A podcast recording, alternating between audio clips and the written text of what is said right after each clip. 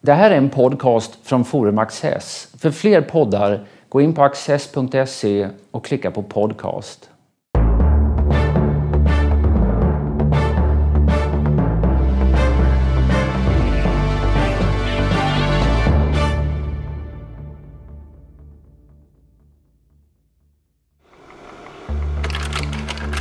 Bertil Malmberg är en av den svenska litteraturens ensammaste och mest särpräglade andar.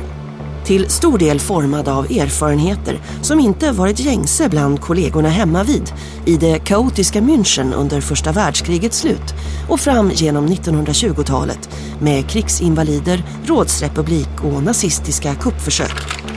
Erfarenheterna omstöptes till essayistik av svindlande djupseende och stor stilistisk skönhet samt till formsträng lyrik av såväl traditionellt som modernt snitt. Nathan Sachar, Dagens Nyheters korrespondent i Jerusalem och författare till en monografi om Bertil Malmbergs inspiratör Oskar Levertin, samtalar med Peter Luttersson. Nathan, jag tänkte börja med att läsa första strofen ur en dikt som sannolikt är lite för from för din smak, men det finns ett skäl till att läsa just den. Herre över alla himlar, över världar, över hav. Du som lärde mig att sjunga, du som världen dikten gav. Lär mig, Herre, lär mig, Fader, bruka rätt din dyra gåva. Lyrans rena strängar stämma till att himlens konung lova. Vad är det som är speciellt med det där? Jo, det är att den som skriver det är tio år gammal.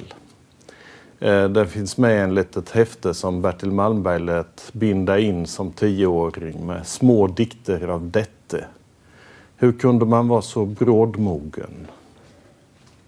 Alltså, de är, det är fantastiska rader. De, eh, det visar ju att för Bertil Malmbergs del så var det här med poesin och, och, och diktarrollen, det var inget yrkesval utan det var ett öde. Och eh, det sägs ju här också rent ut att det, det är Herren som har rört vid honom och, mm. och, satt honom i stånd att, att prestera den här sortens brådmogna naturligtvis, men ändå in, rytmiskt imponerande det är oerhört skickligt gjort och, och just det här att han bestämmer sitt yrkesval så oerhört tydligt. Han, han skriver som sjuåring ett brev till Zacharias Topelius där han ber om råd hur han ska gå tillväga för att bli en lika framstående författare. Och när han är 13 skickar han uh, dikter till Oscar Levertin för att uh, få en bedömning av han har, om han har gjort tillräckliga framsteg. Och så. Ja, det, det här måste höra till de mindre vanliga när man jämför med alla skrivande personer som trevar sig fram och, och prövar sig fram under, under vånda och osäkerhet. Inte bara självsäkerheten också, men, men kapaciteten. Det finns en infrastruktur kring honom i Härnösand. Dels så finns det ju en, en på orten en känd författare, Lubbe Nordström, som eh, man kan eh, eh, ja, hänföras av som inför liksom en doft av den stö en större värld och så. Men dels så finns det ett bibliotek. Hans pappa är lektor i franska på på eh, läroverket. Eh, så det finns gott om böcker. Det finns en Johanssons bok och pappershandel där han kan köpa de nya böckerna av Per Hallström och eh, Karlfeldt och Levertin och så som han beundrar. han har, alltså det här det fordras ju inte bara inspiration och talang, han måste ju läsa mycket. Mm. Och han är väl, när han senare, lite senare kommer igång på allvar så har han fortfarande ena benet kvar i den där barndomsvärlden. Han är väl den sista av de svenska diktarna som på fullt allvar laborerar med sådana saker som purpur och guldbrokader och, mm. och blodröd sammet och den typen av rekvisita. Jo, som, de är ju några stycken då, de här vad ska jag säga, symbolisterna. Sven Lidman och så kan ju ha det där språket också i början. Jo. Och sen ett annat eh, inslag i detta, den här brådmogenheten. Eh, det, han är ju retorisk på en gång. Eh, och när han sen några år senare skriver dikter under första världskriget. Eh, Malmberg är född 1889. Eh, då blev blir det många nationalistiska, aktivistiska dikter och han drömmer om att Karl XII återigen ska kunna träda fram och leda det svenska folket till stora segrar och så. Och det här fanns ju levande, det är det som vi har så svårt att sätta oss in i. Det fanns ju hos Böck och hos Sven Lidman och hos flera andra. Den här levande relationen till Karl XII och, och, och till det fornstora dagars Sverige. Och, och, ja, just det. Det minns jag den där bökboken som du en gång gjorde. Där finns eh, sådana resonemang också. Ja, Böks barndomsvärld var ju också... Böck byggde också en alldeles egen barndomsvärld där, där det fanns en speciell roll vikt för Karl XII som skulle komma tillbaka som någon sorts Messias alltså och få ordning på Sverige och grunda ett nytt stort svenskt imperium i öster och slå ryssarna. Mm. Samtidigt var Malmberg var ju naturligtvis oerhört brådmogen. Han var duktig, han lärde sig språk, åtminstone tyska och franska mycket bra. Eh, men eh, han, med hans studier gick det inget vidare. Han var i Uppsala. Där, var, där blev mest att han beundrade Adelborg och Konradsson och sen försvann han till Lund och där blev det heller inte någonting med hans studier. Och sen begav, I Berlin så gick det heller inte. Berlin, men det blev ingenting där heller. Han är mycket öppenhjärtig.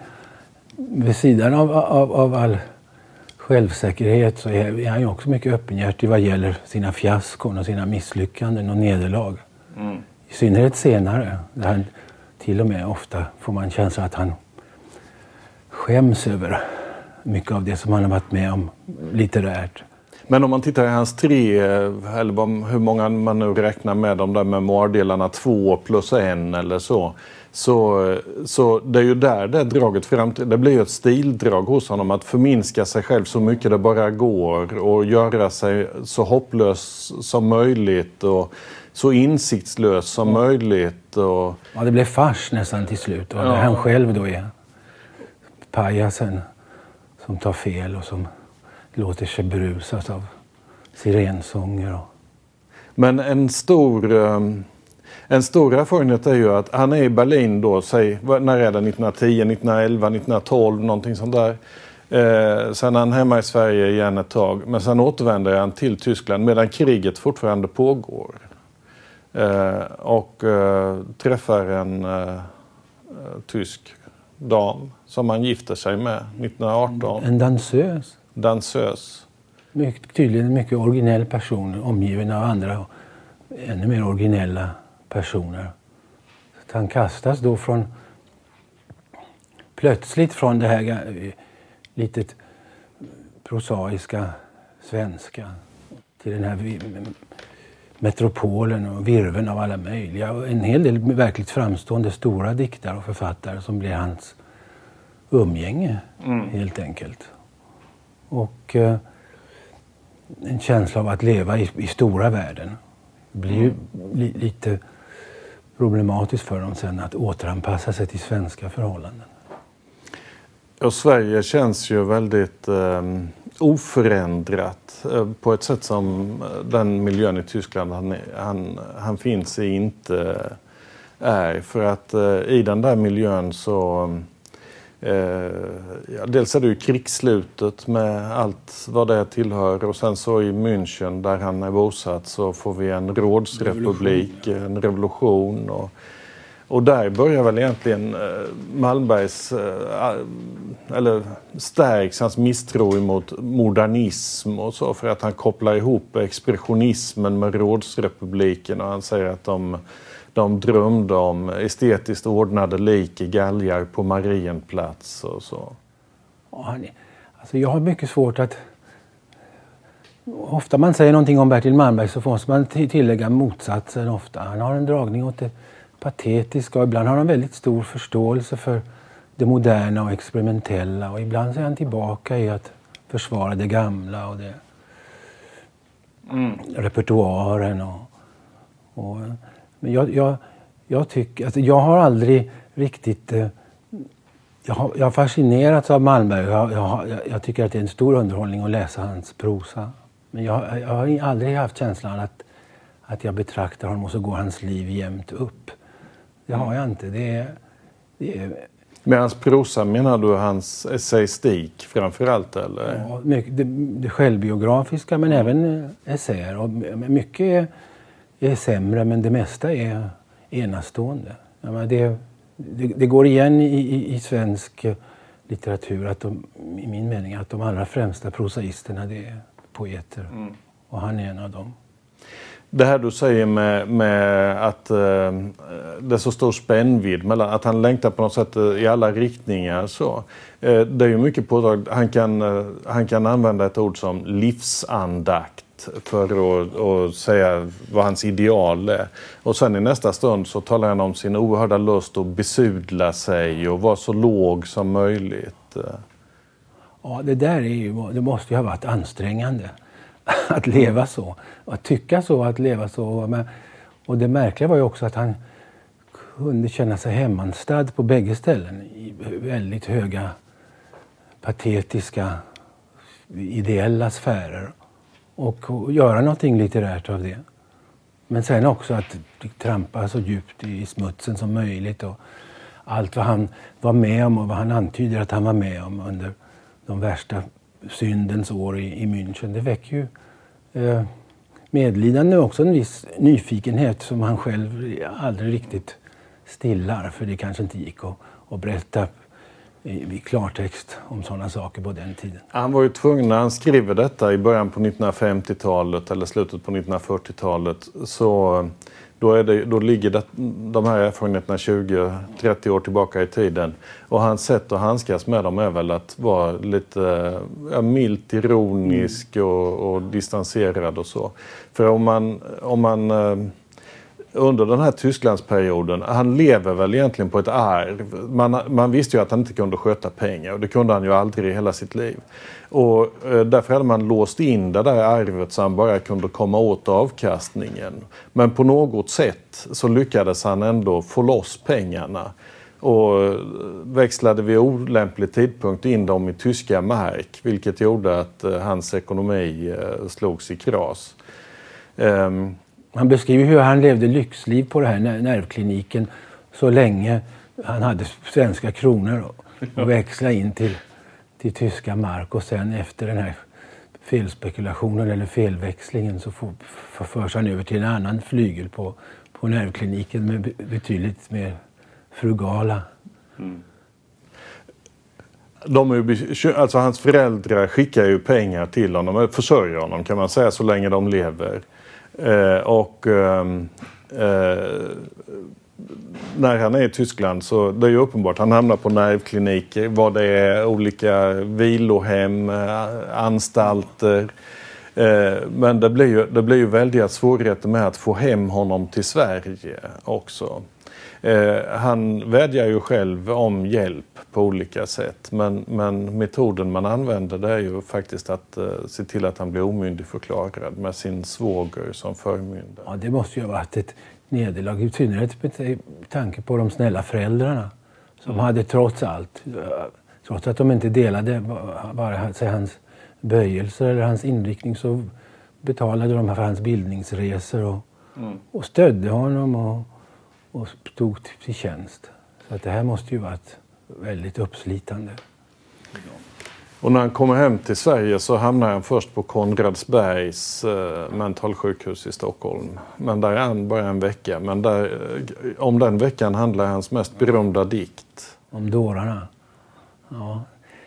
Det, det var nog den första. Det första jag läste av Malmberg det var ju naturligtvis Åke och hans värld som jag läste en av mina första. Om det nu är en vuxenbok vet jag inte. Men det handlar om, eh, om hans egen barndom där uppe i Härnösand. Och är väl, är väl helt enkelt Bertil.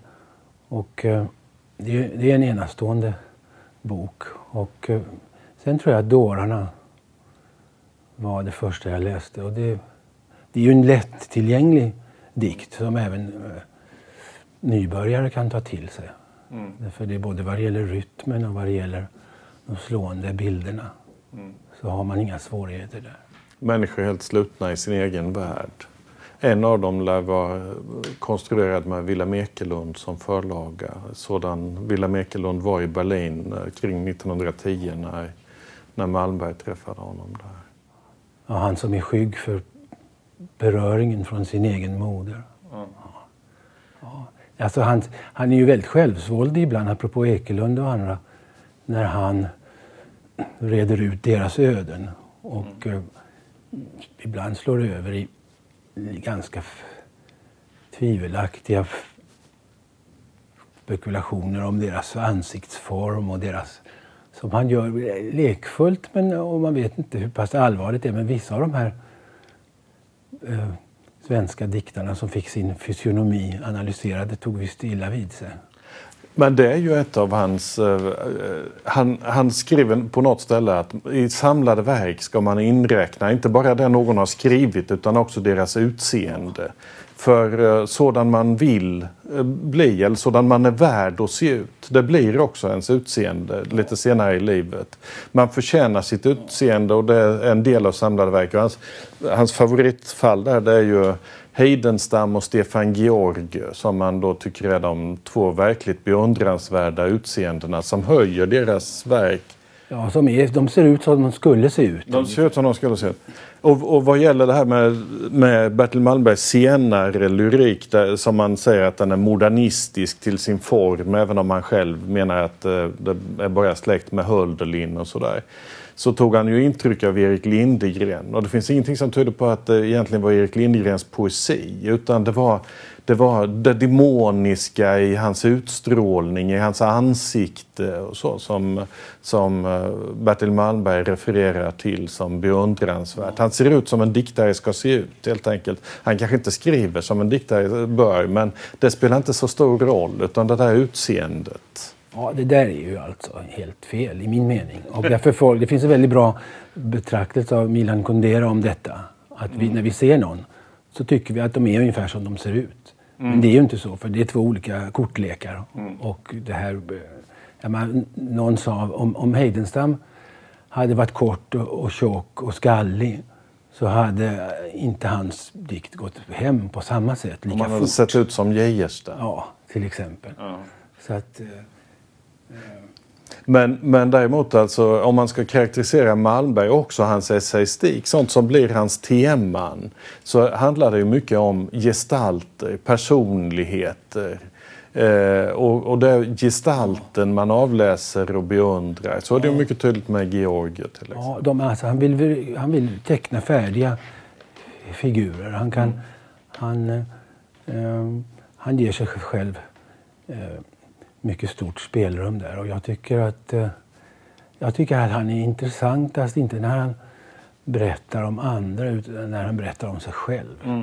För där är, han, där är han själv ibland demonisk just i, i, i sin skoningslöshet. Mm. Där kan, hans, hans uppriktighet som är bland det mest eh, imponerande om man tittar på hans författarskap eller hans bana. Så denne man som blir omyndigförklarad, som eh, eh har uppenbart eh, grava alkoholproblem, som också eh, pysslar en del med kokain på 1920-talet och sådär. Det var inte självklart att han skulle bli ledamot av Svenska Akademin eh, 1953 eller 54 när det var. Eh, sen dör han ju i och för sig relativt kort efter, men, men det är en märklig bana. Ja, det, är, det är svindlande. Att, bara att intressera sig för Bertil Malmberg är ju svindlande. För han återfinns på så många diametralt olika platser. I fromhet och vi har inte talat alls om hans flört med den Oxfordrörelsen, den, den troskyldiga amerikanska protestantiska sekten som han rycktes med av eller slets in i mm. och blev engagerad då som en sorts eh, talskrivare och propagandist åt de här figurerna som ju var sådana som man naturligtvis, i alla fall estetiskt, måste ha föraktat eller känt ett stort avstånd till. Men han hamnade där också. Den som drog in honom där var väl Sven Stolpe som, som säkert i och för sig var en, en personlighetstyp som han också kunde bli eh, ja, lite imponerad av och så. Men annars kan man säga att Malmbergs stora genombrott som poet är en diktsamling som kom 1934 som heter Dikter vid gränsen. Det är mycket Oswald Spenglerska dikter. Det handlar om att eh, eh allting är på väg att, gå i stöpet och västerlandet är där ute med och eh, sådär. Eh, de här dikterna tolkades ju på vissa håll som att de var nazistanstrukna, vilket är en feltolkning, absolut. Däremot finns det hos Malmberg en, eh, en autentisk, väldig ängslan för den kommande katastrofen. Ja, det finns med ständigt och jämt. Och det, den, och det finns också, alltså det finns då på 30-talet och den här perioden i Oxfordrörelsen som är precis före andra världskriget eller kanske i början av andra världskriget också. Det kommer ut en diktsamling med sådana här lite fromma dikter. Så. Eh, men, men det kommer igen sen på 1950-talet. Då är, han, då är han orolig för atombomben. Ja, atombomben figurerar mm. ofta. Han säger till mig att det är vårt enda riktiga problem. Mm. Atombomben. Men eh, alltså det märkliga med honom och religionen tycker jag var att han drogs till det där, kanske den, mest till den här ganska handgripliga gemenskapen med de här enkla människorna i Oxfordrörelsen. Men sen när det kommer till det sista steget som de vill, de knuffar ju honom fram och vill att han på ett mera specifikt sätt ska bevaka, bejaka Jesus. Mm. Och där konstrar han. Han vill inte, han vill inte så att säga, frälsas helt. Och de är på honom och de skickar någon sorts kommissarier hem till honom och ser hur han lever och kollar vad han skriver och är missnöjda med att han inte längre skriver helt i, i Oxfordrörelsens anda. Och han, han beskriver det där väldigt nästan som en, en, en fars. Mm. Hur han vill dra sig ur och, och hur de kommer med pekpinnar om hur det borde låta i hans lyrik. Och, men han, hans dragning till religionen det är, ju, det är ju en väldigt annorlunda religion än, än den som finns i Oxfordrörelsen egentligen. För att om man tittar på de där essäerna där han skriver om religion så handlar det ju alltid om det demoniska, om magin, om de svirrande fladdermössens rike och sådana där saker. Och det är ju inte... Ja, det är både hedniskt och antikt och alla möjliga saker. Och det där finns med tidigt. Det finns i den här dikten vi såg i, i, den första diktsamlingen Bränder om de här bilderna som kommer från alla möjliga håll. Och, och med den egyptiska skökan och hennes persikolena barm och sånt där som mm. han har införlivat dem med sin begreppsvärld oerhört tidigt. Mm. Så, och det är ju det är klart att det var, i, i hög grad var det dramatiken och demonin i religionen mm. som lockade honom. Kanske snarare än tryggheten. Och kanske också en del sådana här kultiska saker och dräkter och kläder. Mm. Wallberg var ju själv oerhört eh, mån om hur han var klädd och hur han eh, tog sig ut. Och, och fick han någon gång pengar under alla de här åren han hade mycket svårt med pengar så kunde han ju omedelbart slösa bort allting på en gång med att köpa en ny elegant kostym eller en slängkappa eller någonting annat som han tyckte han behövde för att göra det intryck han ville göra. Ja, alltså det, ibland tycker man verkligen att det var ju kanske inte så märkligt att han blev omyndigförklarad.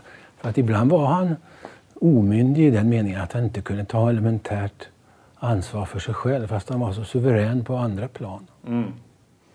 Sen, man, man, kan säga sen fick han en, en mecenat i slutet på 30-talet när Wennergren som eh, då avlöser föräldrarna istället. Mm. Eh, och, och där blev han ju vid hårt åtgången också. Om det var, tidigare var det att man skällde honom för nazist. Eh, falskeligen. Men nu var det detta då att hade, man skulle genera honom med detta att han hade lierat sig med den här dammsugarmagnaten. Mm. Han, bodde, han fick eh, bo i ett hus som Wennergren ägde på Sotholmen. Eh, och, ehm, eh, till exempel när Bertil Malmberg fyllde 50 år finns det bilder ifrån det där. Det var, det var en maskerad som anordnades av Wennergren. Så det, den, där, allting tyder på en sån eh, oerhörd high society där om man ser hur eh, personerna på bilder från det där tillfället ser ut. Och så. Och fru Wennergren kom sen Ja, ju översätta, eh, kom att översätta Åke och hans värld till, till engelska som kom ut i USA. Jo, nej, men han, där, han, han var hemmastad i en väldig massa olika miljöer. Och, eh, eh, han var inte rädd för någonting. Alltså, han var en, jag har känt såna människor, andra sådana människor som plågas och lider och är deprimerade men som inte är ett dugg rädda för döden. Ja, det finns ju hos Malmberg någonting som man själv kallar för dödsförälskelse. Ja, något sånt. Eh, och det finns ganska många dikter som handlar om en slags längtan eh, av att uppslukas av döden. Och så. Eh, ett annat drag hos, honom, hos honom är, när vi har varit inne på det där med, med nazismen, det är ju att han överhuvudtaget eh, är eh, eh, Ja, det hör väl samman med den där katastrofrädslan ändå och känslan av att allting går ut för Att han använder ord som eh, barbariseringsprocess eh, om eh, de totalitära ideologierna. Och han, eh, han eh, säger att eh, bolsjevismen är vedervärdig eh, fortfarande på 1950-talet. Då, vilket inte kanske är det normala för svenska diktare vid tiden. Nej, men han, eh, han har ett intressant förhållande till också till katastrofer. För det finns också en, inte bara oro utan ibland en, en dragning. Och det finns en fantastisk eh, skildring av den här hjärnblödningen han fick någon gång i slutet på 40-talet. Han känner att det är något, så går han in på toaletten och speglar sig och så ser han att ögat och att det har hänt något och han har förlorat känseln.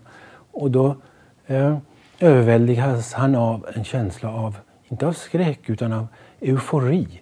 Att det är något nytt, stort, annorlunda som händer. Och sen säger han ju också att eh, det där på något sätt förändrade, gjorde tabula rasa med mycket och han kunde börja på nytt med många saker. Men ingen, det, alltså det, det omedelbara var inte dödsskräcken som för de flesta människor eller paniken. Nej, det, hela den där spännvidden finns och vid den bilden kan vi väl sluta. Ja, alltså jag tror att människor, människor som... eh, Det är en slängkarusell, hans liv och hans olika positioner. Men jag tror att, eh, att det där är något som saknas idag. Många skulle må bra av och glädjas åt att i alla fall Malmbergs prosa. Jag kan tycka att den svenska litteraturen är så oerhört präglad av erfarenhetsunderskott. Men så är det inte hos Malmberg. Nej, verkligen inte. Han, han har spenderade tid och, och möda och förtvivlan på en massa olika platser. Han visste vad han talade om. Tack Natta. Tack själv.